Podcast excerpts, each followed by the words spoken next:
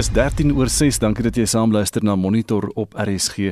Ons kyk na 'n oorsig oor vanoggend se nuus in die koerant voorblaai hier in Suid-Afrika. Het net een groot storie. Inenting dag 1 gaan sukkel sukkel.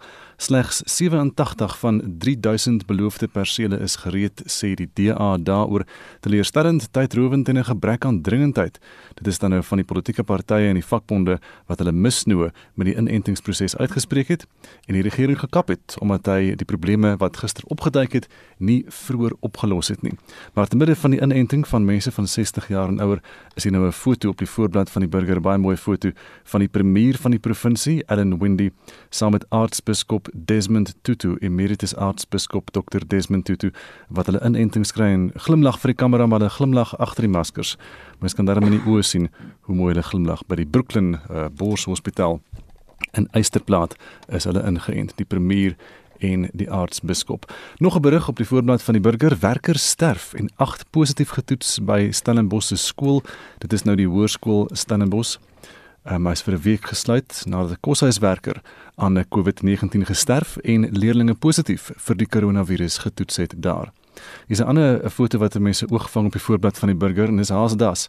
Hulle sê hier gaan jy Haasdas kan kyk en ou koerante kan kry en dis nou blykbaar media mense wat so aanlyn portale interaktiewe argief gaan begin van Afrikaanse nuus en journalistiek en hulle noem dit die museum. Dit klink baie soos die museum uh, wat mense in Washington ook kry. Die voorblad van die uh, van beeld in die noorde van die land het 'n berig hier wat sê Vryburg speel groot stryd vir ma wat sterf. God is in beheer.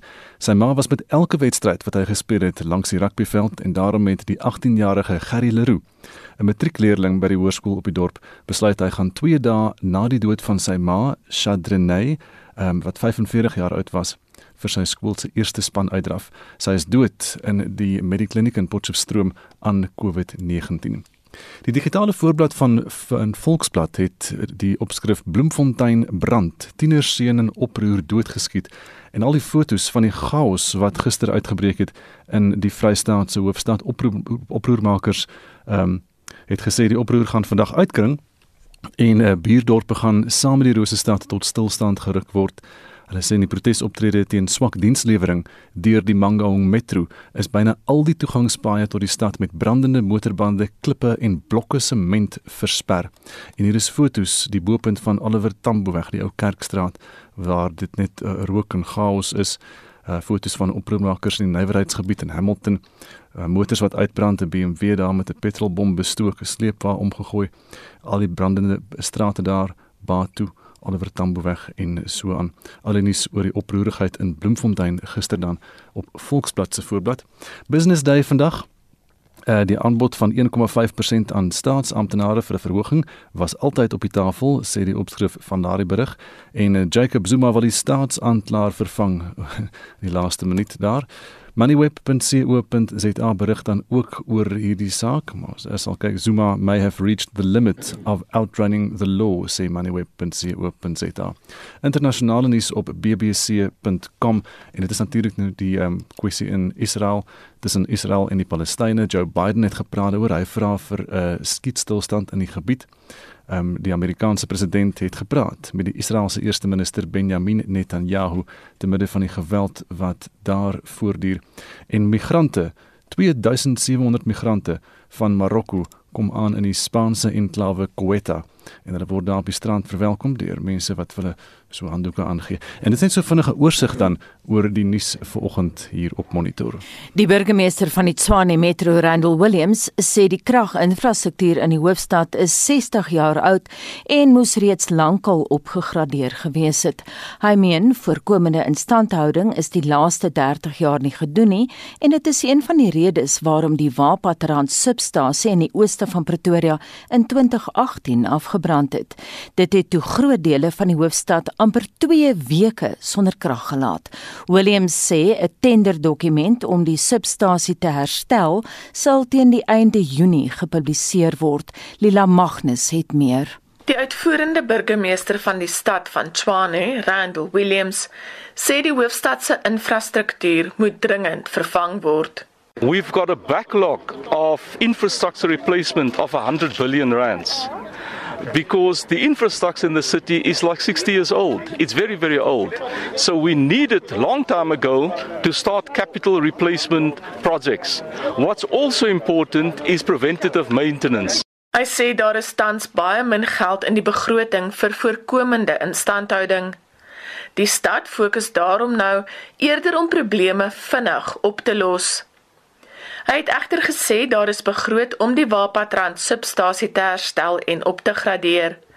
William sê die projek sal teen 2024 klaar wees. Hy gee die versekering dat indien hulle die bestuur van die stad van Tshwane in die komende verkiesing verloor, die projek steeds sal voortgaan. We will make sure that if by any chance another political party should come into office that those processes cannot be changed. That's what is, what is very important that the processes that you have should survive any political party. Inwoners wat in die gebied woon was egter nie beïndruk nie. Die vrae wat ek hier gevra het, kry ek nie die die gerusstellende gevoel dat die mense verstaan waaroor instandhouding praat nie, want hulle sê almekaar vir my, hulle soek meer geld vir kapitaalinstallasie. Ek sê moet moet niks niets installeer nie, maar hulle verstaan nie wat my betref die wese van dit. Onderhoud is kardinaal. As jy nie onderhoud doen aan die bestaande infrastruktuur nie, gaan jy probleme kry, gaan jy kry dit sisteme val. En om as gevolg van al die kragonderbrekings en die load shedding wat ons nou kry, wat beerdkrag wat dit noem, wat ons nou kry, het, moet dit meer gereeld gedoen word. En die antwoord wat ons hier gekry het, gaan hele tyd daarom, ja, weet ons het slegte geld geërf en ons het hierdie geërf en ons het daai sleg geërf. Ja, ons verstaan dit. Maar jy moet nog steeds jou onderhoud doen. Die leier van die DA, John Steenhuisen, sê die tekort aan instandhouding van infrastruktuur is 'n probleem reg oor die land.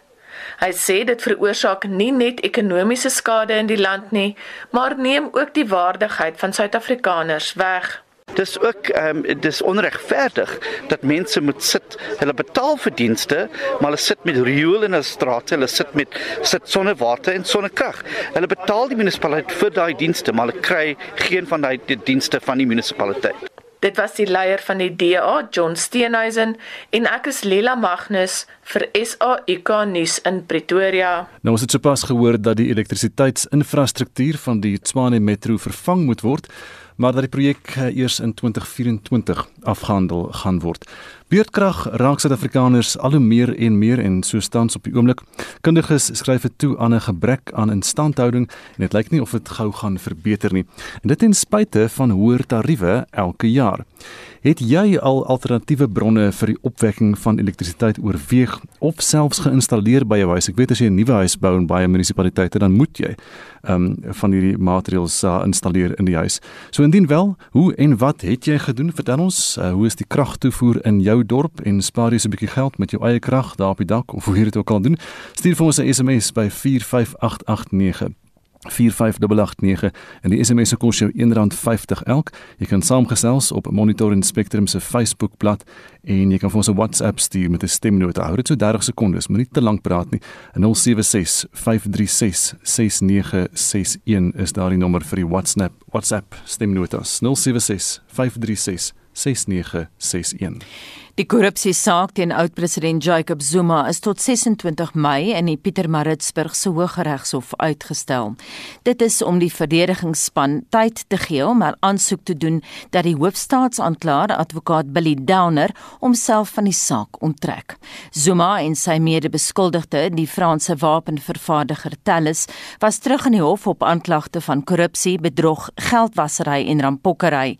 Die aanklagte hou verband met die multimiljard rand se wapentransaksie in 1999 met sy van der Merwe het meer. Zuma het ontspanne voorgekom toe hy by sy mede-beskuldigde Pierre Jean-Marie van Thales in die beskuldigingsbank aangesluit het. Sy ondersteuners in die ANC het die banke van die openbare galery gevul. Advokaat Tabani Masuku van Zuma se verdedigingsspan het dit op rekord geplaas dat hy nou die vorige president verteenwoordig. Zuma se vorige prokureur, Erik Mabuza, was ook teenwoordig. Hy het amptelik onttrek. Die hof het aangehoor dat Zuma se span aansoek wil doen dat advokaat Downer homself van die saak onttrek. Die klousule in die strafproseswet ter sprake is dat die aanklaer geen titel het om aan te kla nie. Can I summarize the position then as follows? If, uh, if it's accurate, if not, please stop me. That the affidavit will be filed on behalf of the first accused, raising the grounds which will found a plea in terms of section 1061H by Wednesday.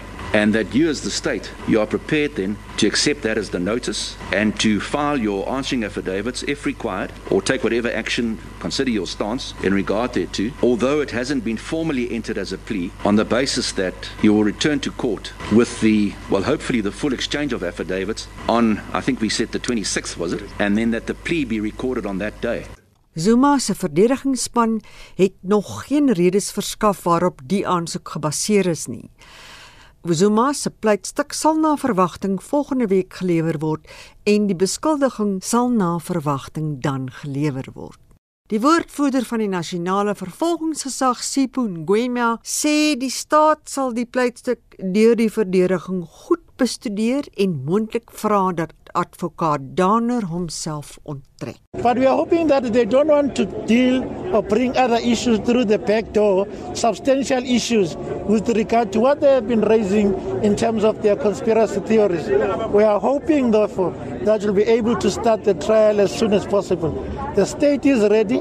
The state wants a trial. We want it here. We want it now. We want this matter to go on the merits so that in the end, the issues of guilt or innocence are proven. Die vletjieblaser en nou minister van openbare werke en infrastruktuur, Patricia de Lille, was ook in die hof. Intussen het Zuma se ondersteuners buite die hof byeengekom. Zuma was vir die eerste keer in meer as 'n jaar in staat om sy ondersteuners oor kan die hof toe te spreek. Hy het aan hulle vertel dat sy regspan wat hulle glo onwettige prosedures is teenstaan. Dit het na bewering gebeur in die ondersoek na die korrupsiesaak teen hom. Sizoqala ngokuthi sibonise enkantolo ukuthi We start by showing in court that in this lengthy case there are so many things that have been done not following lawful procedures including those who are investigating the case and the prosecuting team. We are prepared today to spend the entire day telling the court our side on the unlawful procedures. Some of the things they have done does not allow if the state has flouted their procedures, they cannot be allowed to prosecute the same case. The state complained that they need to study our points because they have to respond as well. This was the only reason the case was postponed today.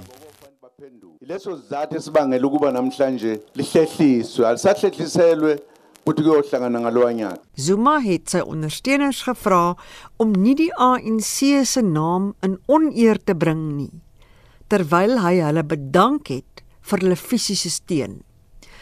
Dit was nadat die skare vyhandig was teen onderskeidelik die ANC se provinsiale voorsitter, Sihle Sekalala, en die sekretaris Mdomiseni Ntuli. ngiyafisa ukuthi uma sizela I appeal to you, comrades, if you are here to support Zuma, let's just do support Zuma, not be seen doing other things. I sincerely appeal to you, comrades, if you are seen doing other things, it does not give dignity to our party, the ANC, to other people at a distance. They'd be laughing at us that we are coming to support Zuma, but also be divided. If you have other things, take it to rightful places. Let not fight it here. I don't want to be here and expecting your support, and I go home saddened by how you are treating each other. I'm always happy to see you in numbers. That shows I'm not alone. If you continue fighting other people, will stop coming to support me. That will decrease my support. Advokaat Masuku het aan die hof gesê dat hulle gereed is om met die saak voort te gaan en dat die aansoek vir die aanklaer se onttrekking nie 'n vertragingstaktiek is nie. Vusi Makosini het hierdie verslag saamgestel. Mitsi van der Merwe, SAK nuus. 27 oor 6 by Monitor nou ouer mense in Gauteng sê hulle is verlig dat hulle nou teen COVID-19 ingeënt is.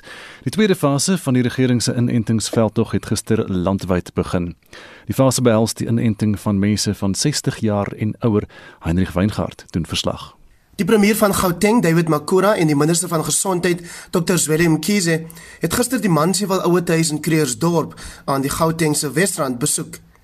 Sommige senior burgers was dankbaar dat hulle die Pfizer-inenting ontvang het. I feel all right and no problem. I'm very happy that I'm uh, vaccinated, though I was scared because people say you are after vaccination your blood turn into clots. But now I feel relieved.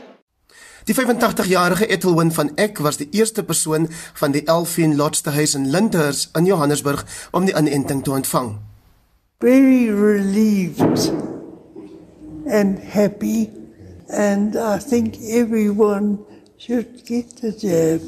It's the only way to deal with the pandemic. I hope it is given to everyone because life is still worth living. Die 73-jarige Terrence Dierland van die Holy Cross Ouetehuis by Suiderberg in Pretoria Noord sê die inentingsproses het glad verloop en was pynloos. No pain, nothing and I encourage all all people to take it without being afraid of anything. okay, it's very important for helping of the virus doesn't spread more.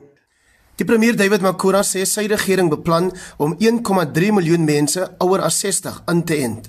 We cannot leave out the healthcare workers because when they are vaccinated, when their morale is high, we're able to do much more.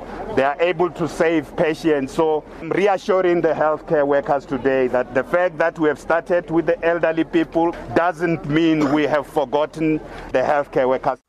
Eerwaarde Frank Chikani sê die leierskap van die Suid-Afrikaanse Raad van Kerke het besluit om ingeënt te word om te bewys dat die enstowwe werk. When we went to school, you went with a card that showed which vaccines you took and, and so that you can be admitted at the school. And all of us are what we are because of vaccines. So there's no reason for people to fear vaccines. Die minister van gesondheid, Dr. Willem Mkhize sê die inenting van ouer mense sal help om massa COVID-19 sterftes te verhoed. The comorbidities are highest on people who are over 60 and above. The next risky category is over 40. So if we target the 60 year olds immediately, then we're actually reducing the risk of severe infection, of death, of ICU admissions, and hospitalization. Emeritus aartsbiskop Desmond Tutu en sy vrou Lia het hul inenting in Kaapstad ontvang. Die inentingsveldtog in die Mangaung Metro in die Vrystaat is egter uitgestel na betogings oor dienslewering uitgebreek het. Die verslag is deur Chegod Pagani en Prabasni Moodley saamgestel. Hendrik Weingart vir SAK nuus. Jy luister na Monitor elke weekoggend tussen 6 en 8. 6:30 die hoofnuus Eskom het aangekondig dat hy beurtkrag vir die dag gaan opskort tot 5uur vanmiddag. Die minister van gesondheid, Dr. Zweli Mkhize, gaan vandag die tweede fase van die COVID-19 inentingsveldtog in eh, KwaZulu-Natal van stapel stuur en dis by die skougrond in Pietermaritzburg. En 'n 57-jarige veiligheidswag sal vandag in die Bloemfontein se Landdroshof verskyn nadat 'n tienerseun tydens 'n diensleweringspetoging doodgeskiet is. Bly by Monitor. Heinrich, wat sê ons luisteraars? En dit môre ons wil weet of hulle enigstens al alternatiewe bronne vir die opwekking van krag oorweeg het of selfs geïnstalleer het en dan wil ons ook in die algemeen weet hoe die kragtoevoer op luisteraars se dorpe of van hulle stede dan nou is. Nou is kom dit nou wel aangekondig soos wat ons nou nou gehoor het dat beerdkrag opgeskort word tot 5 namiddag vandag, maar dit laat nie noodwendig mense gelukkiger nie, klink dit vir my. Uit Alberton net weet ek kon dit Holshausen, daar moet jy maar 'n kragopwekker besigheid begin want dit sal behoorlik floreer. Hier is elke week iewers 'n kragonderbreking en dis erg frustrerend. Pedro Clotelero stem saam met Gwyneth en sê Alberton is besig om teen 'n stinkspoed agteruit te gaan. En dan sê via Visser Gwyneth Holzhausen ek stem saam met jou. Ek moes verlede week weer 'n klomp kos weggooi na ongeveer 53 ure se kragonderbreking. Elektriese toestelle gee ook in. Dis absoluut onaanvaarbaar en daar word niks daaraan gedoen nie. Freek Mohammed laat weet hy Koffiefontein dat Eskom druk homself in die lewe in van ons met sy load shedding en krag die word vir 'n vrek duurprys deur munisipaliteite aangekoop en verkoop. En dan uit Duitsland wat weer die manga Hier word 10% van die elektrisiteit deur sonkrag verskaf, meestal van boere omdat hulle die spasie het daarvoor. Hier word subsidie toegestaan om sonpanele te hê en aan die grid gekoppel te hê. En Europa het baie minder son as Suid-Afrika. Eskom moet maar hier kom leer. Son en windplase kan maklik die boere so tussen die oese finansiëel ondersteun. Ek wonder of die probleem nie by leierskap lê nie. Dan van ons terugvoer, ek sal later weer terug wees. Laat hoor van jou deur vir ons 'n SMS te stuur na 45889 teen 150 elk of plaas jou mening op ons Facebookblad met die naam Monitor en Spectrum op RSG. 24 minute voor 7 nou en Shaun Jooste het die jongste sportnuus. Dit is weer tyd om na van die jongste ranglyste en puntelere te kyk. Die Bulls is die nuwe voorlopers in die Suid-Afrikaanse Reënboogbeker rugbyreeks na 3 rondes en staan op 13 punte. Die Sharks is tweede op 10, die Stormers derde op 7 en die Lions laaste op 3 punte. In die noordelike afdeling is die Italiaanse klub Benetton Treviso nou die alleen voorlopers op 13 punte ook na 3 rondes. Die Ierse klub Munster, die Ospreys van Wallis en die Glasgow Warriors van Skotland rond die top 4 af met 10 punte elk. Na 'n dominerende naweek vir die Nieu-Seelandse spanne in die Trans-Tasmaanse Super Rugby reeks bekleed die Blues, Highlanders en Hurricanes die top 3 plekke met 5 punte elk. Die Crusaders is 4de op 4 punte. Terug op plaaslike bodem is daar gister 3 wedstryde in die 7de ronde van die Vaasti beker reeks voltooi. Takis het die Shimlas met 42-39 geklop. Die UCT Aikies het 58-55 teen UWC gewen en Maties het die Madibas met 44-14 verslaan. Die Aantjies het nou 31 punte op die punteleer met Tikkies tweede op 27, Maties derde op 25 en die CUT Aixias vierde op 22 punte. In vroue rugby is die WP nou eerste in die Suid-Afrikaanse Premier Divisie en het 10 punte agter hulle naam na twee rondes. Die Grens is tweede ook op 10 punte en die OP derde op 4 punte. Sokker. Die top 4 span in die Engelse Premier Liga is Manchester City op 83, Manchester United op 70, Leicester City op 66 en Chelsea op 64 punte met nog twee rondes wat oorbly. Mamelodi Sundowns is die voorlopers in die DStv Premier Liga op 57 punte na 26 wedstryde. AmaZulu en Golden Arrows is tweede en derde op 50 en 43 punte onderskeidelik na 27 wedstryde en Orlando Pirates is vierde op 43 punte na 26 wedstryde.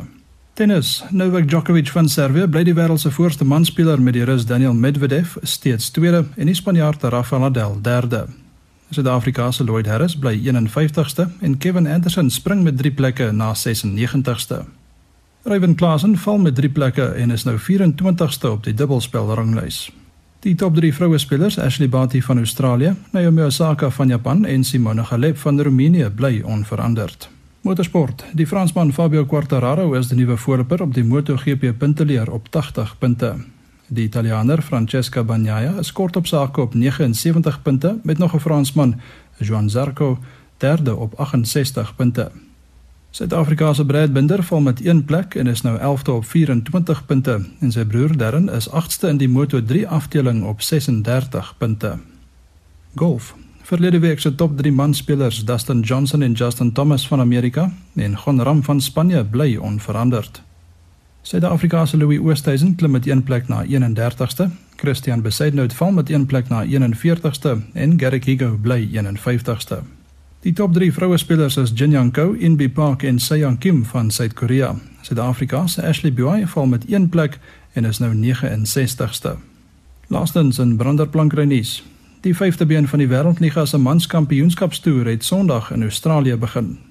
Suid-Afrika se Jordie Smith en Matthew McGillivray het na die laaste 32 ronde deurgedring waar hulle teen die plaaslike Stewart Kennedy en Owen Wright in aksie sal wees. Smith is 5de en McGillivray 16de op die 2021 punteleer. Shaun Schuster, SAK Sport. 21 voor 7 hier by Monitor op RSG.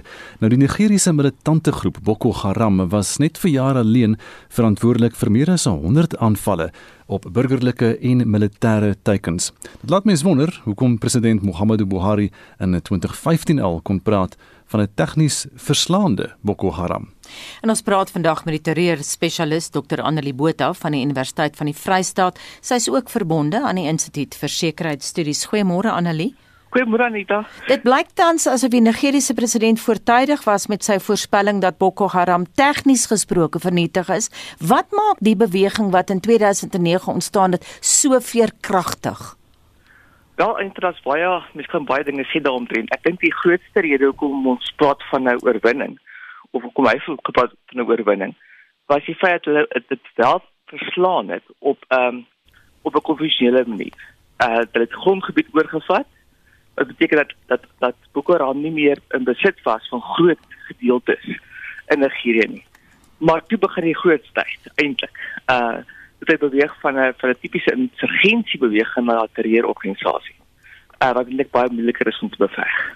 Nou daar is ontleeders wat sê dis nutteloos om om Boko Haram op militêre wyse te probeer rokslaan en dat die fokus eerder moet wees op die sogenaamde hearts and minds. Wat sou die wysste strategie wees?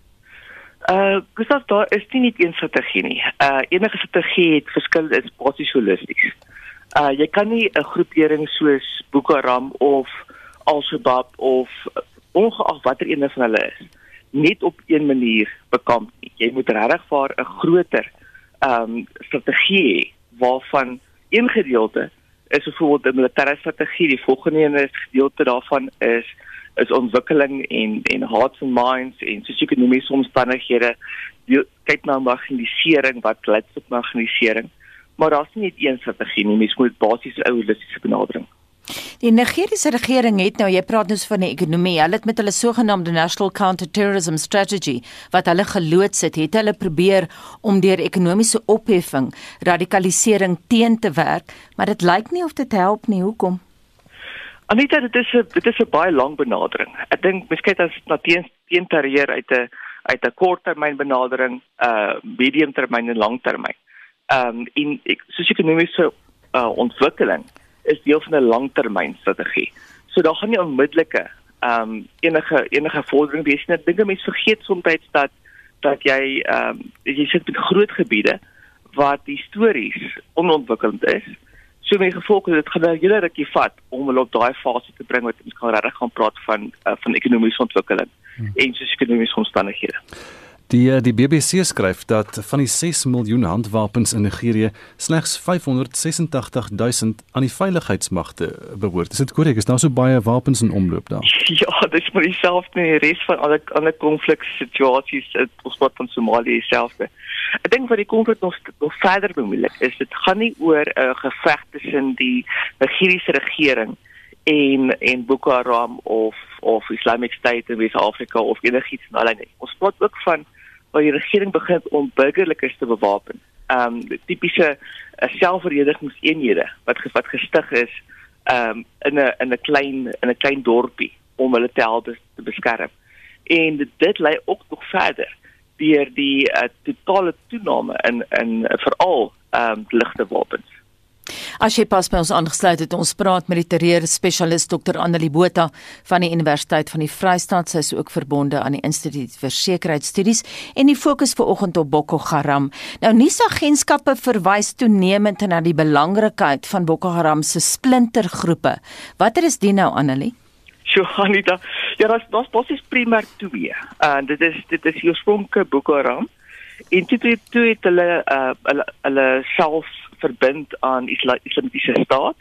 So jy praat van die Islamitiese staat in Wes-Afrika. Dit is basies ehm uh, en dit die rede kom hulle kom hulle gesplit het was primêr gewees as gevolg van wat is die teikens. Uh Boko Haram fokus primêr meerendeels op die plaaslike bevolking ook waar uh, Islamitiese staat het hulle self voorgenem om weer te kyk na aanvalle teenoor die regeringsmagte en na die regering as sulks. So dis basies jou twee jou twee primêre groeperinge. Maar uh, aan die ander kant sit sit Nigerië in 'n in 'n bietjie van 'n tummeletjie. Ehm um, so in die geval van Oos is nou basies Boko Haram en uh, Islamitiese staat. En dan moet ons onthou dat uh terreur het 'n baie lang geskiedenis veral in Noord en Wes-Afrika. Uh Noord-Afrika begin met die situasie in in Algerië natuurlik en natuurlik ook die situasie in Libië wat ook baie naby is. Ehm um, so die, aan die weste kant uh het jy natuurlik die Islamiese staat in die groter Sahara. Uh wat ook daar is verseker verbintenisse tussen hulle. Ehm uh, nie altyd in operasioneel is dit redelik ver vers, versprei van mekaar, maar tog is daar 'n uh, 'n mate van samewerking. En dit as sulks ehm um, is daar's redelik baie ek, ek, ek, ek kan ongelukkig nie nou almal van na na na, na hulle verwys nie. Hm. Maar in Nigerië self praat ons maar meerendeels van daai twee groeperinge. En dan sê, die probleem is ook dat jou dat jou ehm um, ehm um, hierdie gemeenskaps ehm uh, beveiligingsstrategie is ook natuurlik ook verantwoordelik vir redelike uh menslike doodgevalle uh en beserings uh wat niemand weet presies of 'n persoon 'n Boko Haram lid is of nie. So dit gaan baie keer op grond van uh suspicie wat daar moontlik mag bestaan en ehm um, dat hulle is self ook verantwoordelik gehou vir baie menseregte skendings. Ehm um, veral in in daai gebied waar in Boko Haram en ehm um, Iswa basies funksioneer. Kan jy sê hoe wyd die terreur sal uitkring? Hoeveel buurlande loop dieselfde gevaar as die noordooste van Nigerië om basies teikens te word van Boko Haram se invloed? Wel, Boko Haram as sulks, ehm um, op hierdie stadium raak 'n paar state. Dis Nigerië, Niger, Chad en natuurlik Kameroen. Ehm um, so hy's daar gefokus uh en dan aan die ander kant jy basies ehm um, 'n teater, 'n operasionele gebied wat wat omvat word. Um, en dis altyd baie naby daaraan. Praat ons natuurlik van Mali, Niger, um, Burkina Faso, uh gedeelte van Nigerië wat 'n ander hotspot is wat ons mens basies na kan verwys. So dit is nie net 'n geval van uh Boko Haram se se uitspreying deur net deur net 'n sekere uh, aantal state wat naburige state is nie.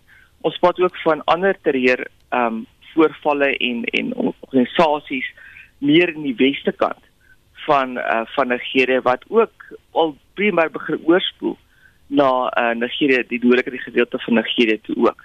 So dit is dit is regtig 'n ongelooflike moeilike situasie om te bekamp. Ehm um, Boko Haram het ontstaan uit primêre plaaslike ontevredenheid en geen geen terreurorganisasie bly plaaslik nie. Hy is altyd 'n transnasionale uh, karakter wat hy begin volg, ehm um, soos die tyd basies verloop. Uh, Annelie het nou gesê Boko Haram het hom verbind aan die Islamitiese staat ISIS of soos hulle dit in die Midde-Ooste noem Daesh. Dink jy ons gaan Boko Haram ooit in Mosambiek en Cabo Delgado sien? Wel ons weet al reeds. Ehm um, die situasie in in in in Mosambiek is afveliant van die Islamitiese staat. Uh ek dink mense moet dit so bestudeer van uh Islamitiese staat gee vir jou gee vir die, die organisasies 'n ideologiese uh sambreel, soos dit sou stel. Maar ehm um, plaaslik het elkeen van hulle sy eie organisasie, sy eie sy eie dis 'n brandies wat gevolg word, sy eie gesagsstruktuur. Ehm um, maar beide die die plaaslike groepering, kom ons ons praat nou van Boko Haram, voordat hy nou islamitiese staat geword het van West, in in in Wes-Afrika. Ehm um, hulle het besef dat as jy regvaar geken wil word, uh moet jy 'n naam hê wat dit die gesag dra. Hmm. En dit is hoekom organisasies hulle self altyd verbind na of dit nou Al-Qaeda is in die geval van Al-Shabaab of Islamitiese staat in die geval van Boko Haram want mense neem demotisie. So sodra jy straat van Islamitiese staat is, mense dadelik uh, op hulle hoede. En dit is presies wat hulle wil hê. Sê vir my, dink jy 'n streeksbenadering tot terreur sal 'n goeie of 'n moontlike opsie wees? Dis al reeds. Ehm um, veral tot soete van van Boko Haram uh het basiese state soos Benin, Kameroen, Chad, Nigerië en Niger het basiese uh, uh, onder die Afrika Unie ehm um, ek, ek gaan ek gaan nou, dis basies 'n multinasjonale uh, gesamentlike taak mag wat gestig is wat uh verskillende hoofkant private hoofkantore daar's daar's een in in, in Chad en een in Nigeria so jy kry basies ehm um, 'n benadering van ons gooi ons ons moontlikhede saam ons kyk dan as as as sulks. Ons het 'n bietjie gepraat na na ehm um, die laaste keer ons gepraat het oor die situasie in Chad ehm um, en Debbie se se dood op daai stadium mm.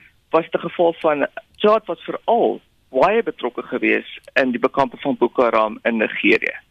Um en hulle hulle regware word bestempel as as 'n baie groot weermag of 'n baie weermag wat werklik waar iets kan doen. Um maar op hierdie stadium kyk elke staat maar basies na sy eie belange op hierdie stadium. Maar as daar hulp verleen moet word, dan doen hulle so. Dit is basies daai daai chart meer wat so in die middel van alles is waarom hulle primêr funksioneer. Annelie baie dankie Dr. Annelie Botha is van die Universiteit van die Vrystaat en sy is ook verbonde aan die Instituut vir Sekuriteitsstudies 10 minute voor 7 nou gepraat van die Vrystaat daar waar Annelie is. 'n Gespanne situasie hier steeds in die Mangaung Metro uh, in Bloemfontein. Inwoners het gister verskeie paaie met brandende motorbande en klippe versper en hulle wou alle bedrywighede in die stad tot stilstand dwing. Die betogers eis dat die Mangaung Metro raad ontbind word en die stadsbestuurder onmiddellik afgedank word. Estie de Klerk het meer. Inwoners het betoog teen die swak dienslewering in die metrogebied. Hulle het met die polisie gebots tydens 'n optog na die munisipale kantoor van die Mangaung Metro. Die 14-jarige Javanu Siegel is deur 'n veiligheidswag doodgeskiet toe 'n groep betogers na bewering 'n pakhuis in Dr Belcher weg wou bestorm. Rashid Siegel sê sy jonger broer was nie deel van die betoging nie. There was a, a paramedic guy that just coming to pump his, his heart. Then I was breathing, uh, blowing uh, wind into his mouth, trying to give him oxygen. But he was, the time they were shooting, maybe he was feeling dead and he was gone after that. Wow, they are really heartbroken. They are terrible, it's terrible, yeah. Everybody's crying, I'm also feeling I'm not good, I'm not feeling 'n Ooggetuie, Elne Klasen, het probeer om mediese hulp vir die tienerseun te kry. We tried to take him from that side. We were running from that side. Mona. Hari fihla Mona ka awa. So we were trying to uh, ask for help from the police. They were standing their side. The police was also there. We was trying to stop them. When we stopped the police, they just closed the door and shot at us. He was still alive. So there was two nurses came from the side. Yeah. And then they were busy there. Yeah, Abdin was already gone. Die Vrystaatse polisie woordvoerder, Mutansi Mekele, het bevestig dat 'n 57-jarige veiligheidswag in hegtenis geneem is vir die skietvoorval. The security guard who was alone at the time fired a shot in a quest to scare the mob, but unfortunately fatally wounded 15-year-old boy. The security guard was arrested and will appear in Bloemfontein Magistrate Court on a charge of murder. Gemeenskapsleier en organiseerder van die betogings, Temba Zweni, sê die verskeie gemeenskapsleiers sal binnekort vergader oor die pad vorentoe. We want to reclaim our city from group of councillors who have shown that they've got no interest in our people. You see, we've tried everyone.